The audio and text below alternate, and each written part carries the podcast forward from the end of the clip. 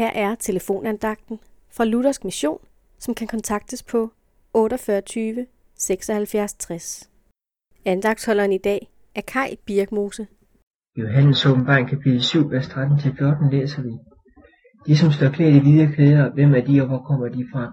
Og han sagde til mig, det er dem, som kommer fra en stor trængsel, og som har vasket deres klæder og gjort dem hvide i lammets blod.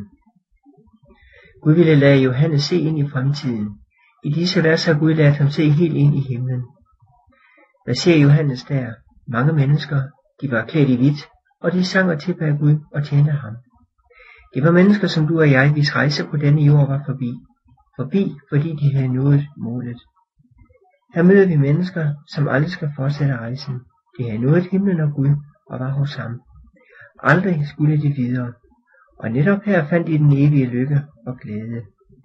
Du som endnu lever på denne jord, du er på vej. Om du er 15 år eller 90 år, så er dine leveår ganske få, set i forhold til evigheden. Netop du er på vej, og vores bibel siger, at du enten er på vej til djævelens palads helvede, eller Guds palads himlen. I vers 14 står der, at de mennesker Johannes så, var nogle fra jorden, som havde vasket deres klæder og gjort det hvide i lammets blod.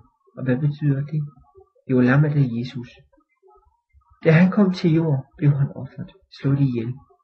Jesus var villig til at dø, dø for at vi skulle leve.